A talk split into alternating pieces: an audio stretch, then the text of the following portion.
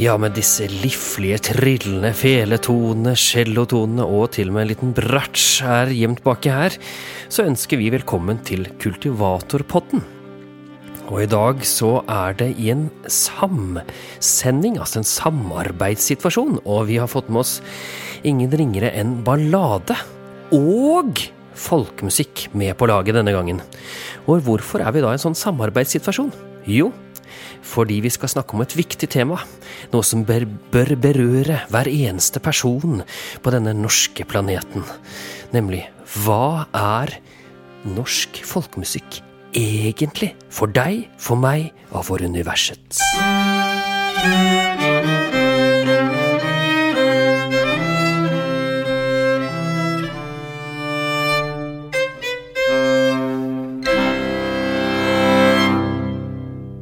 For universets herskere, rett og slett.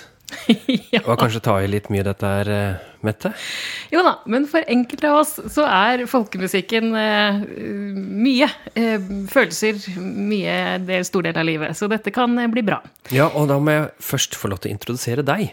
For du heter nemlig Mette Vårdal, og er en del av Kultivator. Ja, her er jeg historiker og kulturprodusent. Og du, Vegard Vårdal, er den andre halvdelen av Kultivator. Og du er folkemusiker, danser, pedagog, komponist. Ja, sånn cirka der. En kulturarbeider i det store og det hele. Ja, og sammen så har vi ganske mange år bak oss i folkemusikkmiljøet i ulike roller og funksjoner og posisjoner. Ja, og da har jo alltid dette spørsmålet hva er folkemusikk kommet opp? Jeg har, fått, eh, jeg har reist rundt på, med foredrag på videregående for å diskutere dette her, og det er ganske interessant å sjekke ut hva folk egentlig mener folkemusikk er. Og eh, jeg syns vi rett og slett skal bare hoppe i det, fordi vi var nemlig på Folkelarm, og der fikk vi lov til å intervjue alle artistene som spilte på Folkelarm. Og en av dem, Mattis Kleppen, han har en ganske god idé om hva norsk folkemusikk er for han. Eh, det er eh, oppvekst i ei bygd og kanskje vafler. Bestemoren med sine vafler. Og så spilla hun, Falk, nei, hun spilla Førnesbroen. Og fortalte da eh, veldig livaktig om hesten da, som gikk seg, gikk seg opp i snofonna på Falkriset. Det er vel folkemusikk for meg. Der fikk du høre hva Mattis Kleppen, bassgitarist eh, fra Bø, som nå jobber i Levanger, eh, som eh, lærer og professor og det meste i folkemusikk, faktisk, hva han mente den norske folkemusikken var for han. Og disse intervjuene gjorde vi altså på Folkelarm, og Folkelarm det er på en måte folkemusikken sitt svar på bylarm. Der kommer artister og presenterer et eller annet, og så ja, så blir det rett og slett fest og moro. Og nå har du jo fått eh, fyrt opp i peisen, hører jeg. Ja. Og en annen av de vi snakket med på Folkelarm, det var jo felespiller Susanne Lundeng fra Nord-Norge. Et felefyrverkeri. Eh, og hun har en helt annen tilnærming til hva folkemusikk er for henne.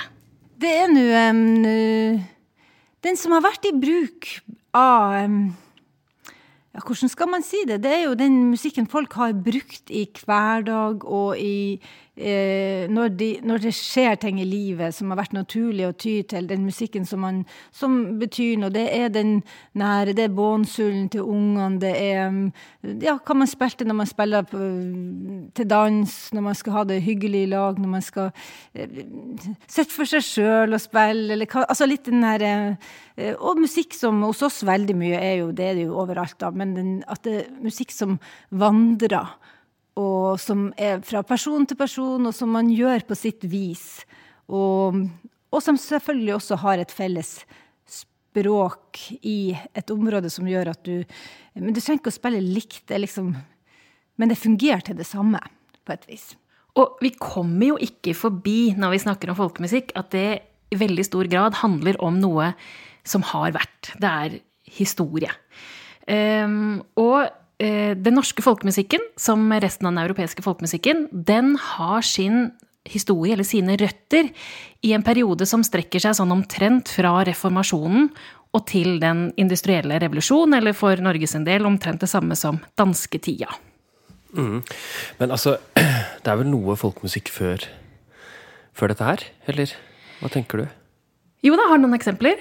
Altså, Vi har iallfall folkedans. Vi har jo På helleristningen i Alta så har man, at man har krukedans. Altså den rituelle dansen er jo også en del av folkemusikken. Og vi har jo all kjededansen, all balladetradisjon som er eh, supergammal. Eh, og vi har også Boses saga, er ikke det ganske gammelt, da? Hvor de, hvor de forteller om Norafjøls, som er en av de eldste slottene vi har i Norge. Ja. Selvfølgelig har du helt rett. Altså, det, ja. finnes, ja. det finnes jo eksempler på kulturuttrykk som er blitt tatt videre inn i denne perioden. Men den store veksten i folkekulturen, slik vi kjenner den og dyrker den i folkemusikken i dag, den stammer fra denne perioden. Og for Norges del stort sett fra 1700-1800-tallet, fordi vi har så lite kilder fra før det. Men jeg har en aldri så liten bibel her. Det er den engelske historikeren Peter Burke Eh, han har skrevet en murstein av en bok om det han kaller da folkekultur i det tidlig moderne Europa, som jo er denne perioden. Fra reformasjonen og til industrialiseringen. Og han sier det.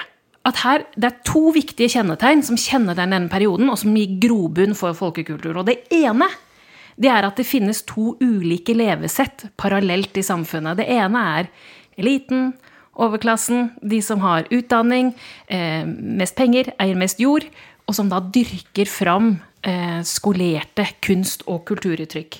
Og så er det den store gruppen som da er folk flest, som dyrker jorden, lever av landbruket, og som utvikler denne folkekulturen.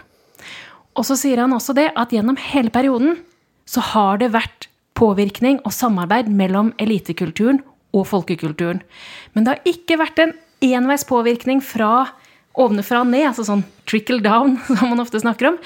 Det er komplekst samspill som gjør at du får utviklet en kultur som utvikler seg litt i takt og litt i utakt med elitekulturen. Ja, for du har jo faktisk tatt en doktorgrad på noe av dette her, har du ikke det? Jo, jeg har det. Så dette er et aldri så lite hjertebarn. Jeg skal ikke holde noen fryktelig lang forelesning nå. Nei, for men... da, da, tror jeg faktisk barna våre setter en liten stopper for det. ja, jeg har en begrensning i taletid når det kommer til historieforelesninger. Men poenget er at dette her er annerledes enn f.eks.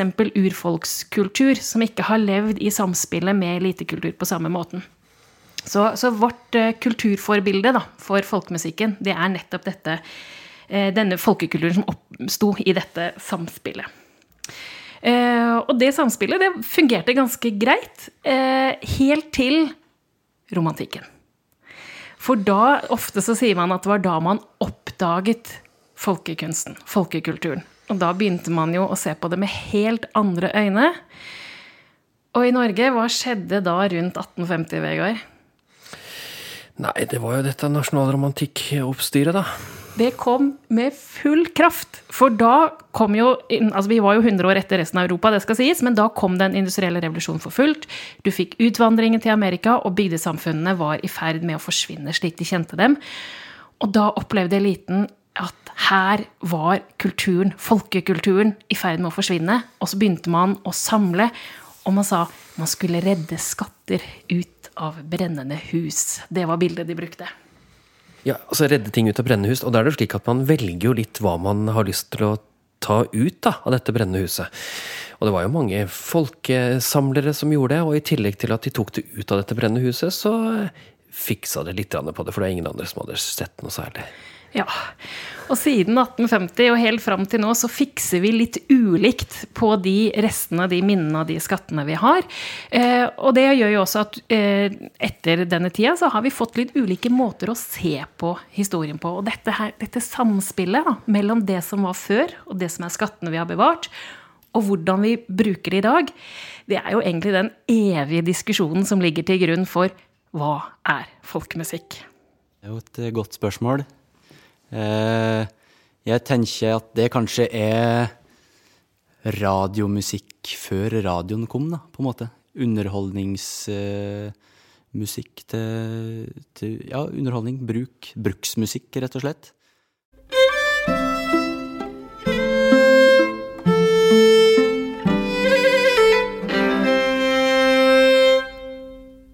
folkemusikk for meg, det er vel eh, Ja, musikk som har liksom røtter tilbake i tid. Eh, og som har levd eh, hos folket, på en måte. Og blitt videreført eh, fordi at noen har syntes det har vært flott. Det har liksom hatt en, en funksjon og en en, eh, ja, en funksjon i folks liv, da. Og det sa Ingebjørg Lognvik Reinholt, som også var da en av disse artistene på Folkelarm som vi fikk lov til å intervjue. Og før den eh, lille valsetonen så var det Bendik Smeåshjelten Kvam som eh, sa hva han mente var norsk folkemusikk for han. Ja, hvor skal vi gå videre nå da, Mette? Nei, Vi slutta jo på en måte i eh, romantikken sist, og det som da hele tiden har vært spørsmålet siden, hva er folkemusikk? Og du, Vegard, har bladd fram noen definisjoner. Ja, definisjoner og definisjoner. Alt, alt, alt er så problematisk. Altså Hvis jeg nå skulle gått inn og lest definisjonene høyt for deg, eh, eller for mange der ute, da, så er det litt sånn Det er vanskelig å forstå de. Men jeg kan ta det som ligger til grunn for noen av definisjonene.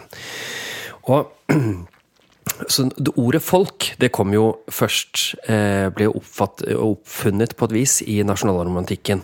Og Da var det han Johan Gottfried von Herder som brukte det da for å beskrive noe annet, akkurat som du sa i, starten. Altså noe annet enn eliten, da. Men han opphøyde folket til eliten på et vis. Han mente at alle vi skulle bli som ja, som folket. For folket, det hadde den opprinnelige kulturen. Og folkeminnet, folkekunnskapen, det var noe som vi alle burde etterstrebe. Ja, Så det romantiske synet hans på folkekulturen som noe edelt, det har vi jo beholdt. Men denne, denne troen om folksgeisten, som har snakket altså folkeånden og kulturen som bare oppsto i folkerypet, den har vel forskerne stort sett gått bort fra. Ja, de har vel egentlig det. Men altså, selv han der Jean-Jacques Rousseau hadde jo dette her at man skulle, skulle liksom tilbake til det opprinnelige, til ja, ja til, til, å leve akkurat sånn som folk gjorde ut på bygdene, da. Ikke sant? Ja. Han var en utrolig pussig skrue. Han var jo ekstremt konservativ og radikal på samme gang. Han fikk fem barn og satte de bort så fort de var født, men var veldig opptatt av at barn skulle få en lykkelig oppvekst. Så en kan jo lure på hva han mente, men han ble iallfall tatt veldig inn i varmen i en sånn borgerlighet som oppsto i et konservativt Europa etter eh, revolusjonene slutten på 1700-tallet. Mm. Og jeg tenker Vi har jo hatt litt sånn der tilbake til naturen, tilbake til folka. Vi har hatt litt sånn i moderne tid også. Da kan vi bare gå over landegrensen til Sverige, som hadde en ganske stor bølge av dette på 70-tallet. Hvor alle De skulle ikke bare spille fiolin eller fele, de skulle lage fela seg selv, og de skulle ikke bruke noen andre tekniske hjelpemidler enn bare bare gå ut og lære av noen andre. Bygge en hytte selv med sine egne hender. Og forlate storbyens jag og mas. Og vi har jo selvsagt en del eksempler på det hele tiden, men eh, Sverige hadde en ganske stor bølge av det på 70-tallet. Ja, Visebølgen var jo ikke helt eh, fjern for dette her, det heller, i Norge. Nei, men kanskje ikke så ekstremt som det var i Sverige. Og eh, vi har jo altså Vi har flere som har diskutert hva, hva folkemusikk er. Og da har vi da Cecil Sharp fra, mm, fra England, og han, han, ga også ut da dette her eh, den utgivelsen English Folk Songs, folk songs som Conclusions. Og han vil altså samle inn folkesanger og gjøre det eh, for å opplyse om oss om hva som finnes der fra før. Og det syns jeg er ganske interessant, for han også sa at det er disse her som er den reelle musikken. Altså det er folkesangene som er Altså det er historien vår. Det er grunnen vi bygger alt på. Ok, Så han er på en måte litt i uh, herder-verden om at uh, ja. det, er liksom, det, er fra folkedypet det kommer, og at elitekulturen bare er en forfinelse av det? Riktig. Men altså, vi har jo uh, det fins jo noen sånne ganske morsomme historier da, om, om hvordan dette her, dette her blir tatt imot av eliten. Vi kan jo fortelle den historien som jeg elsker å fortelle, om Myllargutten. Som kom Det kan godt være at dette er en slags litt sånn der vandrehistorie, det spiller ingen rolle, men det forteller litt om, om problemet med å ta denne her Redde noe ut av dette brennende huset, for å så ikke forfine det. Jeg må bare si at Myllargutten er altså en sønn av en møller fra Telemark og en fantastisk hardingfellesspiller midt på 1800-tallet. Ja, han var ikke bare det, han var også en ganske fornyer av hardingfellekulturen. Og det er også litt sånn mot folkemusikkens prinsipper, så ble han kjent fordi han forny... Ja, jeg skal ikke gå inn på det, men uansett, Myllergutten eh, kom til, eh, til Oslo og skulle spille en konsert. Og i tillegg til det så hadde han også tatt med seg noen dansere fra Telemark. Og oppe på en scene så spilte de og danset de. Og da satt disse fine fruene på første rad. Og det som skjedde da, det var jo at disse her var jo ikke disiplinert, de som sto på scenen. Det var jo folket. De kom i de klærne som de hadde med seg hjemmefra. Eh, Hygiene var vel så som så, tenker jeg. Og, eh, og det var vel ikke heller behov for så veldig mye undertøy, fordi man kunne Altså, hva i all verden skulle man bruke det til? Nei, altså Når du ikke har stått oppe på en scene før, men kun danset på bakken, så er det ikke så farlig om eh, stakken svinger litt, men det får en litt annen effekt når du er truseløs på en scene. Ja, så da fikk altså hovedstadens fruentimre De fikk eh, et godt gløtt opp i urskogen til, folkets, eh, til folket. Og det ble jo en del skriverier rundt det. Så det, det ble altså et slags behov for å temme folkekulturen. Eh, Og det gjorde de musikalsk, og det gjorde de også eh, på andre på Vi vet med Tidemann og Gude og alt dette her. Men mus musikalsk var jo ganske interessant, for da tok de altså eh, folkesangene, og så lagde de pianoarrangement for det. Slik at eh, man kunne ta det med inn i huset og spille det. Ja, Sånn som Edvard Grieg for eksempel, har gjort med flere av folkemelodiene. Ja, men han var ikke en innsamler, så han fikk det bare fra andre. Mm. Så vi kan heller si eh, Lindemann eller ja, Ja. Noe, noe i den dur som gjorde det. Ja. Men det var en disiplinering og en eh, forskjønning og en eh, pynting av det folkelige uttrykket som eh, foregikk på denne tida.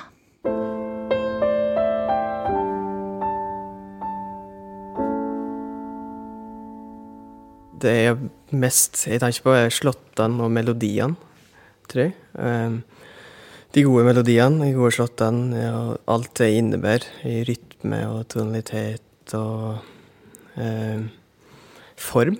Og så tenker jeg på historie, mm, i, ja, i tekster og, og ikke minst om, om slåttene. Om spellemennene og eh, lokale kulturer og, ja, og folk. Dans og, og liv. Og det var eh, Rasmus Tjorstad som var på folkelarm med bandet Morgenroe. Eh, Og han er da felespiller ifra Gudbrandsdal. Ja, men hva er nå egentlig Altså, hvordan definerte de folkemusikk?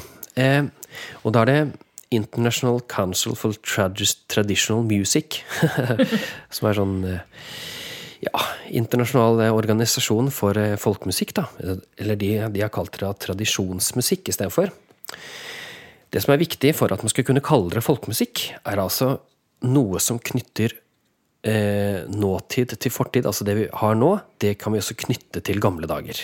Altså jeg spiller en låt, og så kan jeg tenke ok, den her har en historie bak seg. Altså kontinuitet. Eh, variasjon, altså det er en ganske stor variasjon over det samme temaet innenfor enten en enkelt utøver eller gruppen, rett og slett. Og så kanskje det viktigste, det er nemlig at det er gruppen selv som bestemmer hva som skal gå videre. Altså, eh, sier gruppen da, som kan være alle som bor i eh, Setesdal. De hadde ikke sånn at de eh, en gang i året samlet, samlet seg på Bytorget og sa ja, ok, denne slåtten skal vi overleve, og denne slåtten skal ikke overleve. Men det ble bare det som overlevde, det overlevde. Og det var gruppen selv som bestemte det. Ikke noen elite. Nei. Og det som er litt av nøkkelen her, er nettopp det I-en i ICTM, for dette er jo internasjonalt. Og når jeg da snakket i starten om den europeiske folkekulturen, så tar denne eh, definisjonen også med seg urfolks eh, tradisjoner. Så her er det jo ikke noe eh, Her er det ikke det derre samspillet mellom elite og folk som vi har i den norske folkemusikken som en kjerne av definisjonen. Og jeg lurer også litt på, for jeg gikk inn og ser hva, hva sier lærebøkene om dette her, da? Og da gikk jeg inn i det som da er eh, Da jeg gikk på musikkvideregående, så hadde jeg da en lærebok som Ellef Nesheim har skrevet, som het Musikkhistorie. Og der definerer han ikke folkemusikk annet enn folkets musikk. Og hva slags type musikk det er, altså springar og gangar, ja, da er det folkemusikk. Så han går ikke noe særlig mer inn på det. Nei, rett og slett at eh, det jeg sier er folkemusikk, er folkemusikk på en måte. Altså disse, den, disse slåttene er folkemusikk. Ja. Og så hadde vi da eh, dette her med Altså, vi har Trollstilt og Crescendo, som er også noen sånne lærebøker. Og de eh, snakker litt mer om folkemusikken. Dette her med tradisjon, og spesielt det med muntlig tradering er viktig der. Og muntlig tradering betyr at man ikke skriver det ned, at det overlevde generasjoner ved at man bare har hørt man snakke om det. Akkurat som eh, eh, bånsuller og sånt, som kanskje mange fremdeles den en dag i dag har muntlig tradert. Ja, eller, eller sangleker i skolegården, Ja. eksempel. Eller ja. Ja, og Macarena, eller ja, ting som har blitt av så veldig komponert, så er vi allikevel blitt en slags folkekultur ut, ut av det, da. Så det er en slags definisjon av det. Men problemet blir jo da når vi får Ja, for eksempel dette eksempelet her.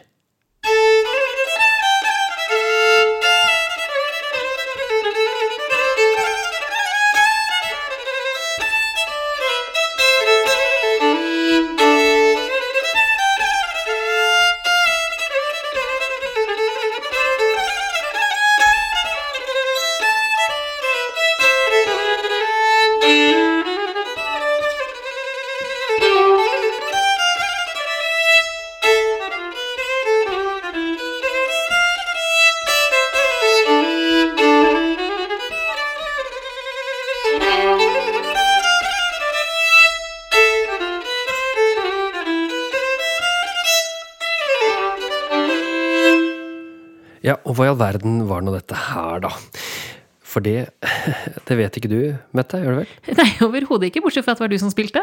Ja, det var altså jeg som spilte, men uh, det er veldig få som kan den låten her. Altså nesten ingen. Men allikevel så høres det ut som folkemusikk. Altså, jeg bruker så mange ting som forbindes med folkemusikk. Så hvis jeg hadde gått ut og spurt mannen i gata, eller en eller annen fyr her nede på Mega Coop Mega i Vågå, spilt dette kuttet, så har han sagt ja, er dette jazz? Så har jeg sagt nei, det er ikke jazz. Eh, er det folkemusikk? Ja, ikke sant? For det er, det, dette forbinder vi med folkemusikk. Men det jeg har gjort her, altså, er at her er det omforming de luxe. For Sven Nyhus han lagde dette her som en pols, egentlig. Til eh, ja, sånn eh, I 1985 så skulle finske, norske og svenske spellemann, spellemenn eh, spille sammen i Sverige. Og så lagde han denne her ut fra eh, Bach sin orkestersuite i H-moll. Så lagde han denne polsen. Ok, Så dette her er altså orkestersvete i H-moll som pols? Nei! Nei. For nå har jeg tatt og omforma den videre. Så det jeg har gjort, er at jeg omforma den igjen til en, en eh, svensk eh, slengpolska. Ok, så dette her er orkestersuite som pols som slengpolska? Ja. Og i tillegg så har jeg tatt den litt for høyt i tempo, sånn at den kan nesten ikke brukes til altså slengpolska igjen. Og så spørs det hvor mange i verden er som kan dette her? Er det noen gruppe som har bestemt at denne her skal gå videre? Nei, det er ikke det.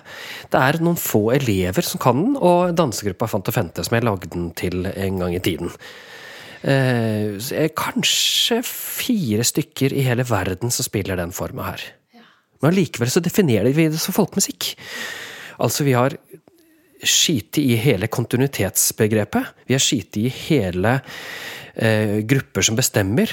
Eh, det eneste vi har igjen, er en slags formening eh, om tradisjon. At det er tradisjonelt. Altså et stilideal, da? Ja, for her er da tonaliteten er jo helt klart det. Harmonikken, selv om det er eh, Grieg sin, nei, Grieg sier Bach sin eh, harmonikk, så har jeg likevel eh, gjort noe med dobbeltgrep og litt sånt.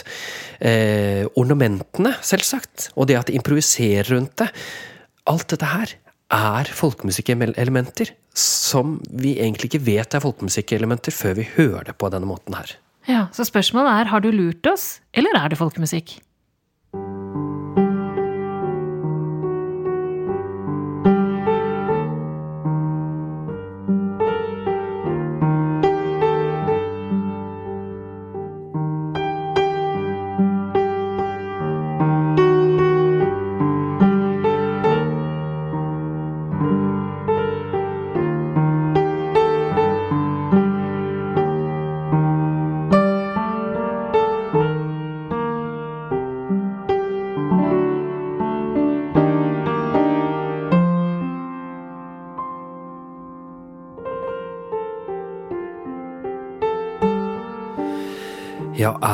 Her egentlig folkemusikk også? Her spiller jeg altså piano.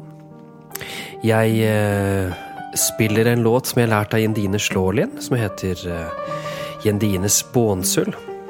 Og hvis du hører i bakgrunnen nå, så driver jeg bare og leker meg rundt et komp jeg selv har satt. Jendine har jo ikke akkurat gitt noen akkorder til denne her.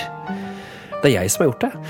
Men allikevel vil nok mange oppfatte det som en eh, folkemusikklåt, fordi de gjerne kjenner igjen låten. For dette her er en ordentlig tradisjonell låt, som vi kjenner fra før. Men blir det her også folkemusikk? Altså, så vi er et sånn et, et merksnodig eh, vann her. Vi vet ikke helt hvor, hva, som er, hva som er i dette her, altså hvordan man skal definere det. Det er det, det som gjør det så vanskelig å definere folkemusikk. Ja, så, så, I forhold til det du spilte først, som da var en klassisk låt spilt som folkemusikk, så er det her folkemusikk spilt mer som Jazz, da, kanskje. Ja. Eller vise, eller et eller annet i den dur. Ja. Um, og, men det jeg hadde gjort her, da, at jeg hadde lagt inn eh, ornament. Eh, jeg hadde lagt inn eh, måte å forme slåtten på, som Jendine kanskje har gjort. Også spesielt harmonikk, ikke harmonikken, men melodikken. Altså hvordan melodien var, er veldig folkemusikk. Så jeg syns det er spennende, altså. Eh, og Inge Gjevre fra gruppa som har det utrolig fancy navnet Gjevre, Odde og Vårdal, hvor jeg er med på. Vi spilte jo også på Folkelarm. Og han hadde jo også en sånn eh, definisjon av folkemusikk som ikke går noe inn på dette her, men som går mer rett og slett inn på miljøet. Jeg vokste opp i Vågå. Og det er klart at i Vågå så er det enormt sterk tradisjon. Og jeg fikk det da inn med, med skolen, jeg fikk det inn med miljøet. Og fikk det inn med spellemannslag og gruppa og spellemennene eh, fra, fra jeg var liten. Og så lærte jeg å danse runddans på barneskolen. Og så begynte jeg på toraderkurs når jeg var ti år. Og, og, det var helt fantastisk å vokse opp med denne musikken. Og hvis du starta å spille instrument i Vågå på 80-tallet, så var det enten fele eller torader du begynte på. Det fantes ikke andre sjangere. Så jeg liksom, jeg hørte ikke på noe annet fra jeg var fra jeg var ti år til jeg var 16-17 år. Ja, Om ikke annet, Vegard, så har de iallfall fått bevist at man kan svare på spørsmålet hva er folkemusikk på ganske mange måter. Ja. Men nå har jeg lyst til at vi skal gå videre og høre på hva tre av damene som vi traff på Folkelarm, sa når vi stilte en spørsmål hva er folkemusikk. Og dette er jo tre som har ganske ulike utgangspunkt. Ja, Vi kan starte med Maria Mortensson, som er en sørsame som bor da i Engerdal. Ja, og hun synger da altså joiker, og kombinerer dette både med samisk musikk og norsk folkemusikk, og høyst eksperimentelt tubaspill. Ja, og da kan vi gå inn i det mer eksperimentelle hjørnet, for da har vi også Shosha Warpia, som er amerikansk, men studerer nå på Norges musikkhøgskole i Norge. Ja, og eh, tredjemann, det er eh, Ikke tredje mann, vel? Nei, tredje kvinne. Ja. ja. da får vi skjerpe oss litt her. Ja. Det er Det er Sarah James Summers, som eh, er fra Skottland, men har bosatt seg i Norge og lever som felespiller her. Ja, og nå kommer hun og tror mannen hennes også ut med en ny plate snart, så sjekk henne ut, folkens. Folkemusikk for meg er jo rett og slett den her hverdagsjoiken, på et vis. At før i tida så brukte man den til alt i livet. Til det var ditt selskap, og den, den, kom liksom så spontant. Så jeg tror folkemusikk for meg er den her spontane eh, følelsen av at nå kommer det en melodi, eller nå er det et eh, noe som bare eh, dukker opp. I think that folk music is really the um, full picture of our collective memory and identity as people. You know, it's so many memories and stories that have been passed through generations, uh, but things that also evolve with us and are really here to illustrate what we're going through at this time. Um, so, folk music, it doesn't have to be only the traditional tunes, but it is just what we share among each other and how we communicate with each other about our experiences. I would say that folk music is a language, and um, therefore it's very connected to identity. It's a form of expression, and everything that you would expect, everything that you uh, would re relate to a language. Og selv om Maria Sosha og Sarah Jane har litt ulike måter å si det på, så er det de sier at dette her, folkemusikken, er jo en måte å uttrykke seg på. Det er et språk. Og det jeg lurer på da, altså nå som vi ikke har den kontrollen da, som jeg snakket om, som de hadde på 1700- og 1800-tallet, der gruppen som sammen bestemte hva som skulle være del av deres kultur, når vi ikke har den, og det er litt sånn fri flyt og åpne landskap i eh, kulturlivet og i verden for øvrig, ikke akkurat under korona, men stort sett ellers Hvis dette er et språk, har vi et folkemusikkens språkråd her til lands? Jeg vet ikke. Har vi det? Nei, ikke helt, men ikke helt utafor heller. Altså, nå er jo staten ved Kulturdepartementet i gang med å lage en uh, ny strategi for folkemusikk og folkedans. Altså, vi har en stat som, has, som, sier at de har et ansvar for å sørge for at denne tradisjonen lever videre. Uh, Setesdal er jo nå tatt opp på Unescos verdensarvliste, altså som immateriell kulturarv, og får jo da et eget fokus på det å bevare folkekulturen der. Ja, og så har vi jo ganske mange organisasjoner, da, har vi ikke det? Altså Folkorg, tidligere landslaget for spelmenn, og ja, Norges ungdomslag og Ja. Eh, og det er egne kvearforum og eh, munnharpelag. Altså det fins ganske Ja, så har vi den overordnede saken da, som heter Rådet for folkemusikk og folkedans, som ja.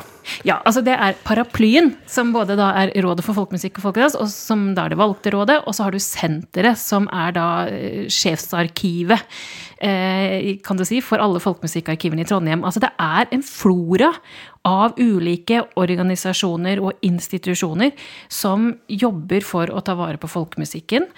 Eh, og på den utøvende, altså det finnes jo folkemusikkscener rundt omkring i landet. Og du har eh, Riksscenen for folkemusikk og folkedans eh, i Oslo.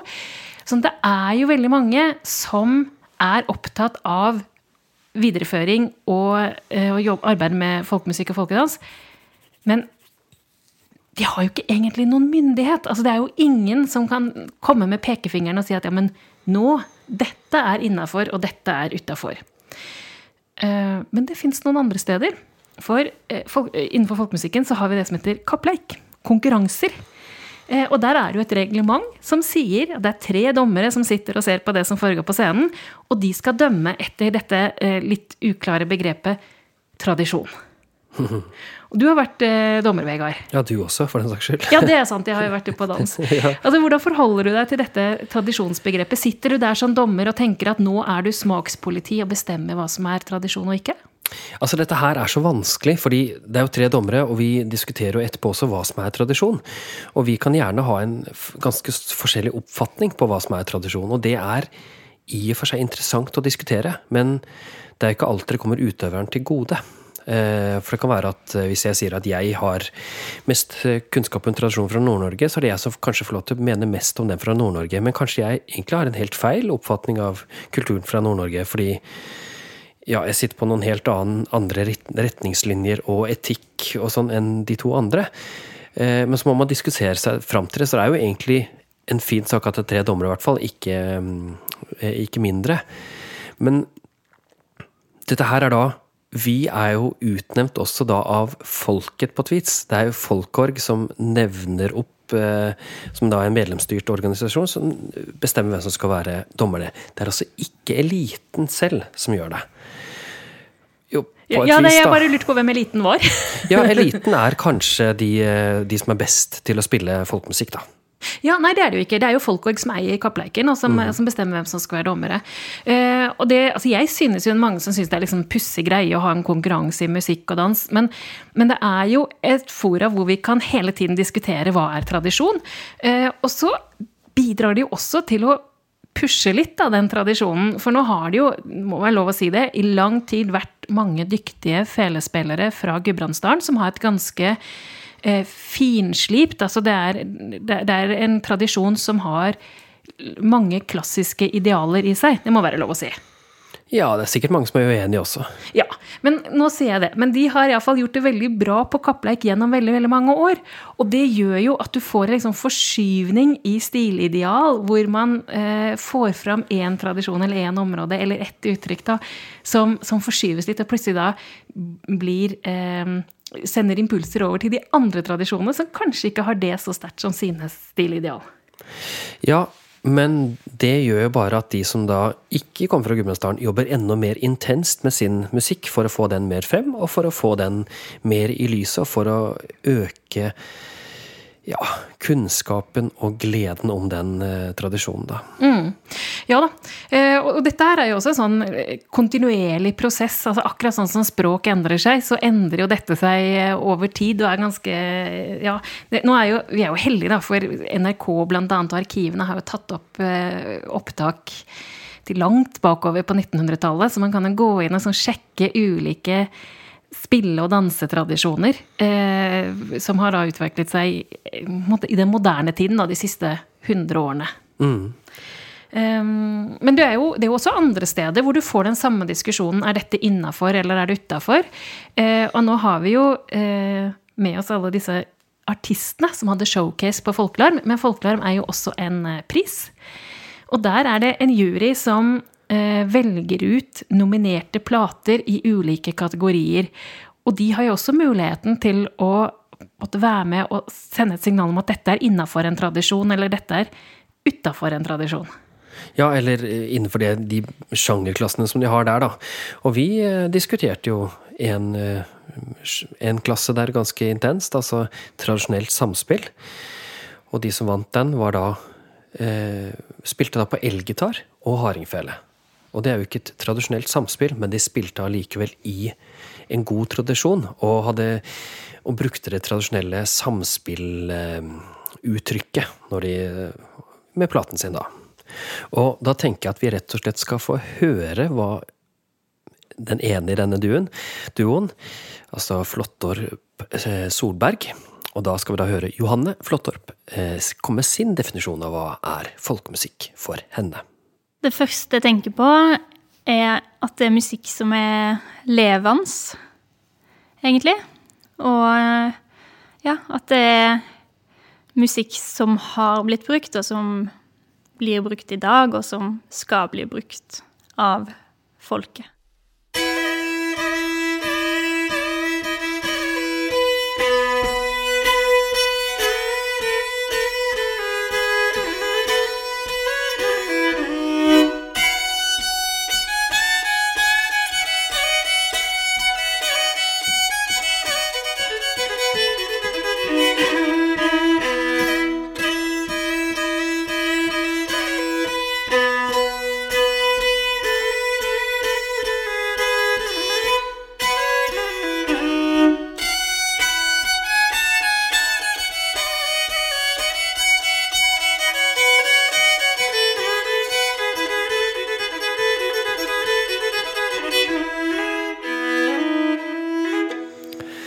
Her hører vi virkelig en tradisjonell låt. Det er en låt som veldig mange egentlig kjenner. Det er jeg som spiller her. Men eh, hva slags låt er det egentlig? Er det folkemusikk? Ja, er det ikke det? Jo, det er mange som eh, kanskje vil gjenkjenne iallfall temaet i dette her. Det er nemlig hentet fra en ganske kjent fyr som heter eh, Mozart. Wolfgang Amadeus Mozart, hørte du om han? Ja, Kjent spellemann og folkemusiker. Ja da, han var oppvokst eh, i Telemark. Eh, og så flytta han seinere til eh, Østerrike, da, og litt sånn rundt omkring. Men han, han vokste opp der, og der eh, lagde han denne låten her. Og han kalte den bare ja, litt enkel musikk om natten. Eh, nei, det er selvsagt ikke. Det er jeg som har formet den om. Eh, bare for å vise at man kan ta et tema og gjøre den om til en telespringer eller til et eller annet. Og igjen er da dette her folkemusikk når det egentlig ikke er laget av folket.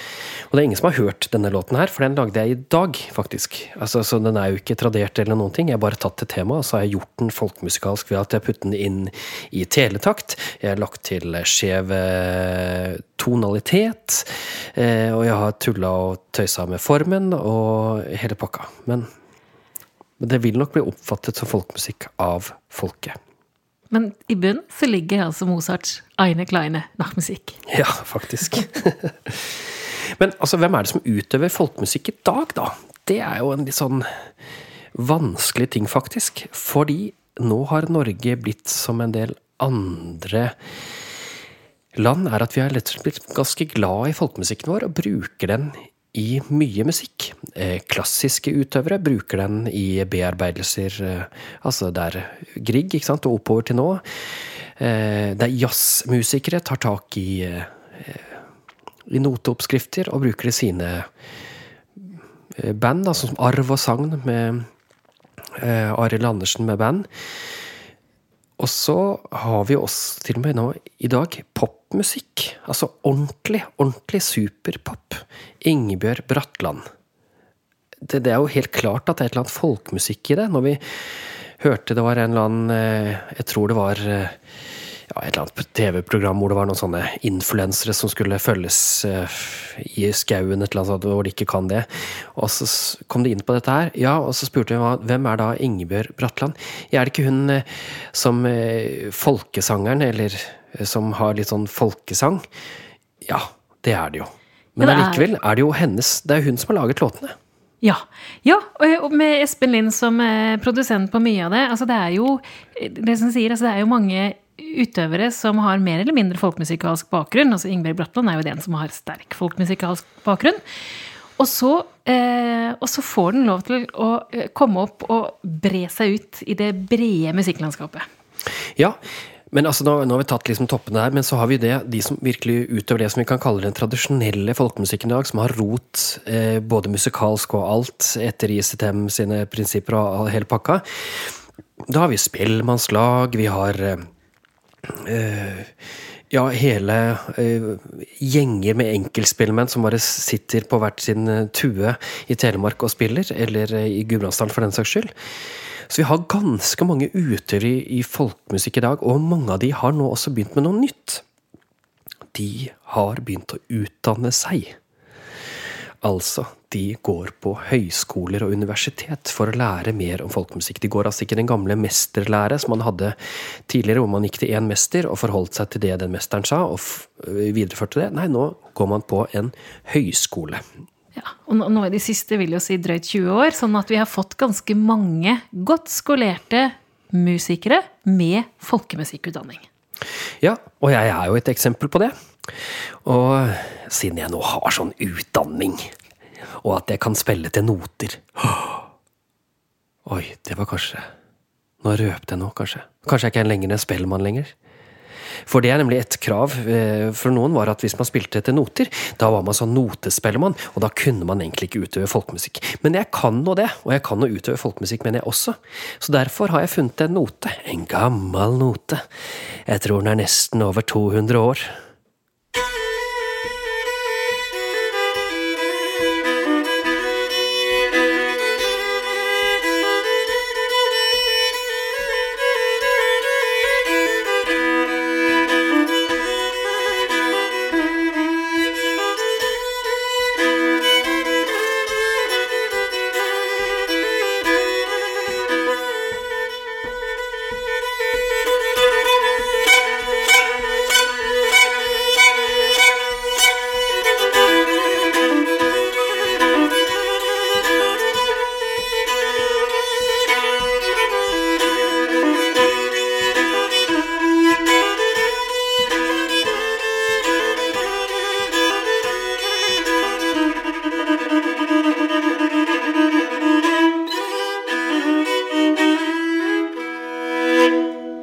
Men altså, notemusikk og notemusikk, Vegard. Hvis du spør meg, det bildet jeg får i hodet, det er en gammel årestue fra Setesdal, røykfylt med noen dansere og en bunadkledd hardingfelespellemann i hjørnet. Men eh, jeg tar kanskje feil? Nei, vet du hva, jeg syns du tar helt riktig. Jeg. Kan vi ikke bare si at det er det sånn? Og så går jeg ikke ja. Det er veldig mange som helt sikkert kjente igjen den låten her. For det er nemlig det kjente pianostykket Fyr Elise, som eh, Ludvig van, von Beethoven, som altså var 250 år i fjor, eh, hadde skrevet. Og jeg hadde bare omformet det til en reilender og til en halling på hardingfele. Med skjev tonalitet og alt som tilhører det. Igjen så er det da folkemusikk. Men dette har jeg tatt med som et eksempel på noe som var veldig viktig før i tiden, nemlig at man tok folkemelodier og inkluderte dem i komposisjoner.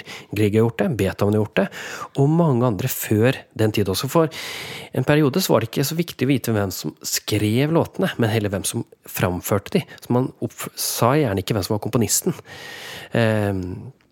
Nei, og det er jo sånn som vi snakket om i starten, ikke sant? At denne elitekulturen og folkekulturen som levde da fra reformasjonen og til eh, den industrielle revolusjon, de, de levde av hverandre og for hverandre. altså De hadde utveksling hele veien.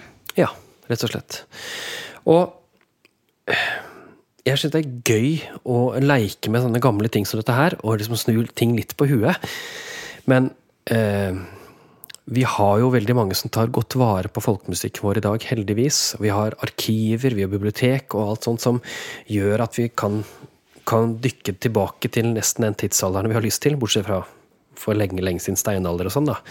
Men så vi kan hente ut mange forskjellige folkemusikkuttrykk i dag. Så sant, de som spiller fra Gudbrandsdølen i dag, kan velge å hente fra en utøver på Kappleik-scena som de så på i går. Eller de kan rett og slett gå tilbake til eldgamle opptak eh, på NRK eller andre steder. Mm. Og det, jo, altså det, er jo litt sånn som med klassisk musikk, at du har de som eh, konsentrerer seg om tidlig musikk og prøver å spille så likt den tiden musikken ble laget i som mulig, og noen som etterstreber etter beste evne og alt de kan å gjøre det til et tidsriktig uttrykk, så har de også den sjangerbredden innenfor folkemusikken av alle de tidslagene. Ja, og jeg syns det er gøy at vi rett og slett aksepterer det. At vi tillater også. At vi ikke blir sånn at å nei, nå brukte Ingebjørg Bratland eh, triller. Nei da, det liker vi ikke. Eller nå eh, tar et korps her og har fått arrangert en lokal folketone. Og nei, det er ikke akkurat sånn som hun som sang den folketonen på det opptaket fra NRK fra 1973. Men altså rett og slett bare se på bredden, og er veldig glad i bredden. Jeg er veldig glad i bredden, i hvert fall. Ja, og det du sier er jo kanskje det nettopp at eh, folkemusikken i dag er jo som en sjanger. Akkurat som en hvilken som helst annen sjanger. altså Om det er klassisk musikk eller, eller jazzmusikk eller hva det er. Som både har ulike tidslag og ulike undersjangre. Og eh, både har de som jobber konservativt og de som jobber nyskapende. Alt sammen sammen. Rett og slett. Og eh, da syns jeg det passer godt å få Haldor Røyne sin definisjon av folkemusikk oppi dette her. For meg så er det Det er veldig sånn uh, følelsesladet og veldig sånn billedlig. Det jeg syns på en måte at all folkemusikk er gir veldig sterke bilder. For meg veldig personlig så, så er jo folkemusikk uh, ganske mye av livet, da. Det vi hørte på slutten her, det var Jo Einar Tobias Statten Jansen og hans definisjon av folkemusikk. Ja, og han spiller da i bandet Mo Enje. Og alle disse intervjuene som dere har hørt på i dag, de har vi hentet fra Folkelarm 2020. Og det, for, det foregikk på Riksscenen, og siden det var korona, så var det bare strømming. Men vi fikk lov til å være der og intervjue artistene på god smitteavstand. Ja, og da sa altså Jo Einar at folkemusikk er livet. Men hvis folkemusikk er livet, så er det jo også et spørsmål om hva slags liv du lever. Og Vegard, vi bor her oppe i Nordherra, en liten grend i Vågå i Gudbrandsdalen. Rett bortenfor her hvor huset vårt er, så er det en liten plass som heter Groven. Der sto det på 1850-tallet ei bitte lita tømmerstue på ni kvadratmeter og de som bodde der, de hadde skjenkeløyve. Så der solgte de brennevin, og så hengsla de døren av stua når det var fest. Eh, og så satte de Spellemannen oppå døren, oppå en stein ute på tunet. og så var det dans. Wow. Det er et ganske annet liv enn det vi lever her vi sitter i hjemmestudioet vårt med både elektrisk varme og fyr på peisen og eh, Ja, vi har jo det meste vi trenger. Ikke skjenkeløyve, da. Nei. Vi har et velfungerende pol. ja.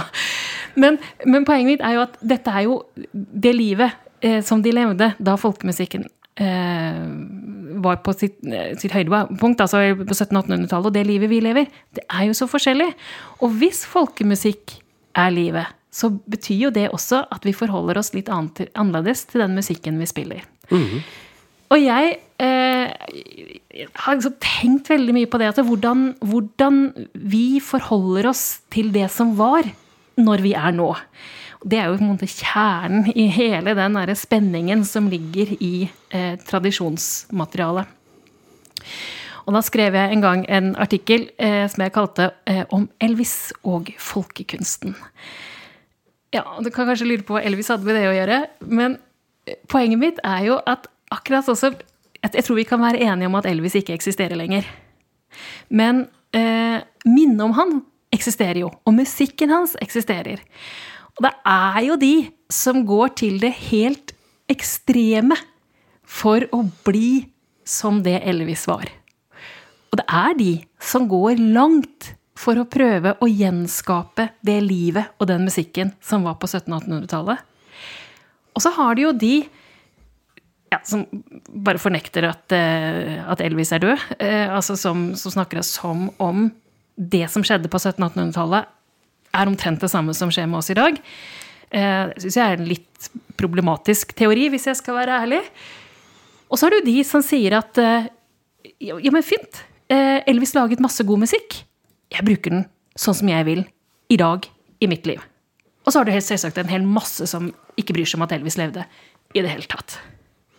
Men det tenker jeg at dette her er jo eh, som jeg sa, dette er jo kjernen i hele denne debatten. Hva er folkemusikk? Hvordan vi i dag forholder oss til det som var. Hvordan vi bruker den kunnskapen. Enten det er som snakket om, det er noe fast. Altså det er en skatt som vi har reddet ut fra det brennende huset, som vi skal ta vare på. Eller om du tenker at det er en et minne som vi har, som vi kan aktivt bruke som et språk til å uttrykke oss.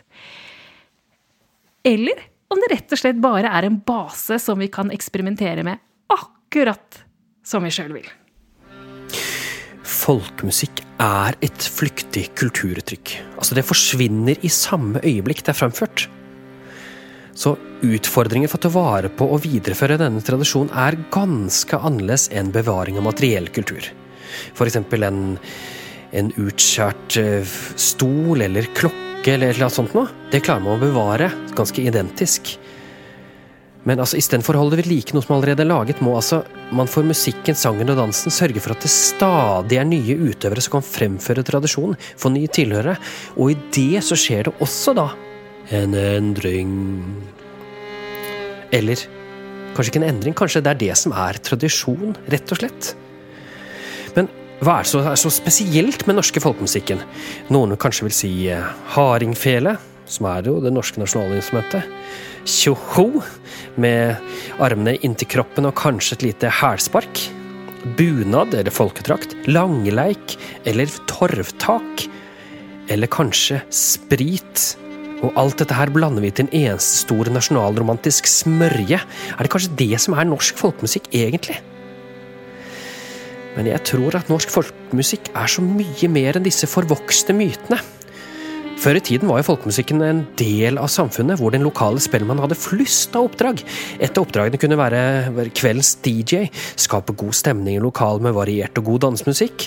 Og når danselysten hadde stilnet, så var det spellemanns oppgave å være Anne Lindmo.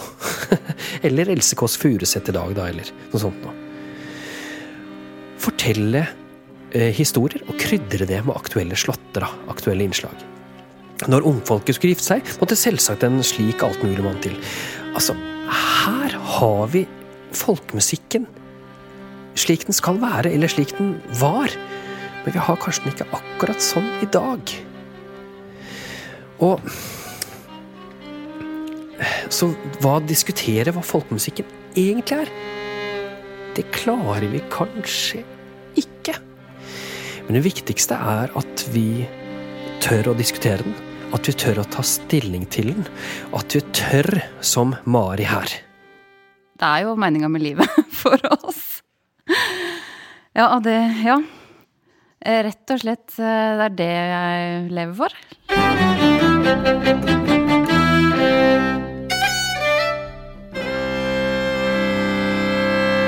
Og dette her var altså Mari Skeie Jones, som var på Folkelarm med prosjektet Spring du fela. Og hun var den aller, aller siste artisten vi intervjuet der seint, seint en lørdagskveld. Ja, og jeg er så enig med det hun sier også. Folkemusikk er livet, og det er kanskje meningen med livet. Iallfall for eh, mange som meg, da, som lever midt oppi dette her hele tida. Og har det ikke vært litt artig denne timen da, Mette? Du, jeg syns det har vært kjempegøy, Vegard. Og vi må takke Kulturrådet, som har vært med og gitt støtte til ikke bare denne podkasten, spesialsendingen, men til et prosjekt som heter Folkemusikkritikk 2021, som er et samarbeid mellom oss, Ballade, folkemusikk og folkelarm. Mm. Så eh, takk for at du har hørt på. Og hvis du har lyst til å følge Kultivatorpodden på Facebook, gjør gjerne det. Eh, du kan sende oss en e-post med tanker. Så kan vi ta det opp i en helt normal sending litt seinere. Og da er det altså Kultivatorpodden, alfakrøll, kultivator.no. Fordi jeg, Vegard Vårdal, og min kone Mette Vårdal, vi er eiere av firmaet Kultivator også. Men eh, vet du hva? Nei. Jeg tror vi koster på oss høre Mari en gang til til slutt. Takk for oss, takk for at du var med oss. Åh, folkemusikk, altså. Det er jo meninga med livet for oss.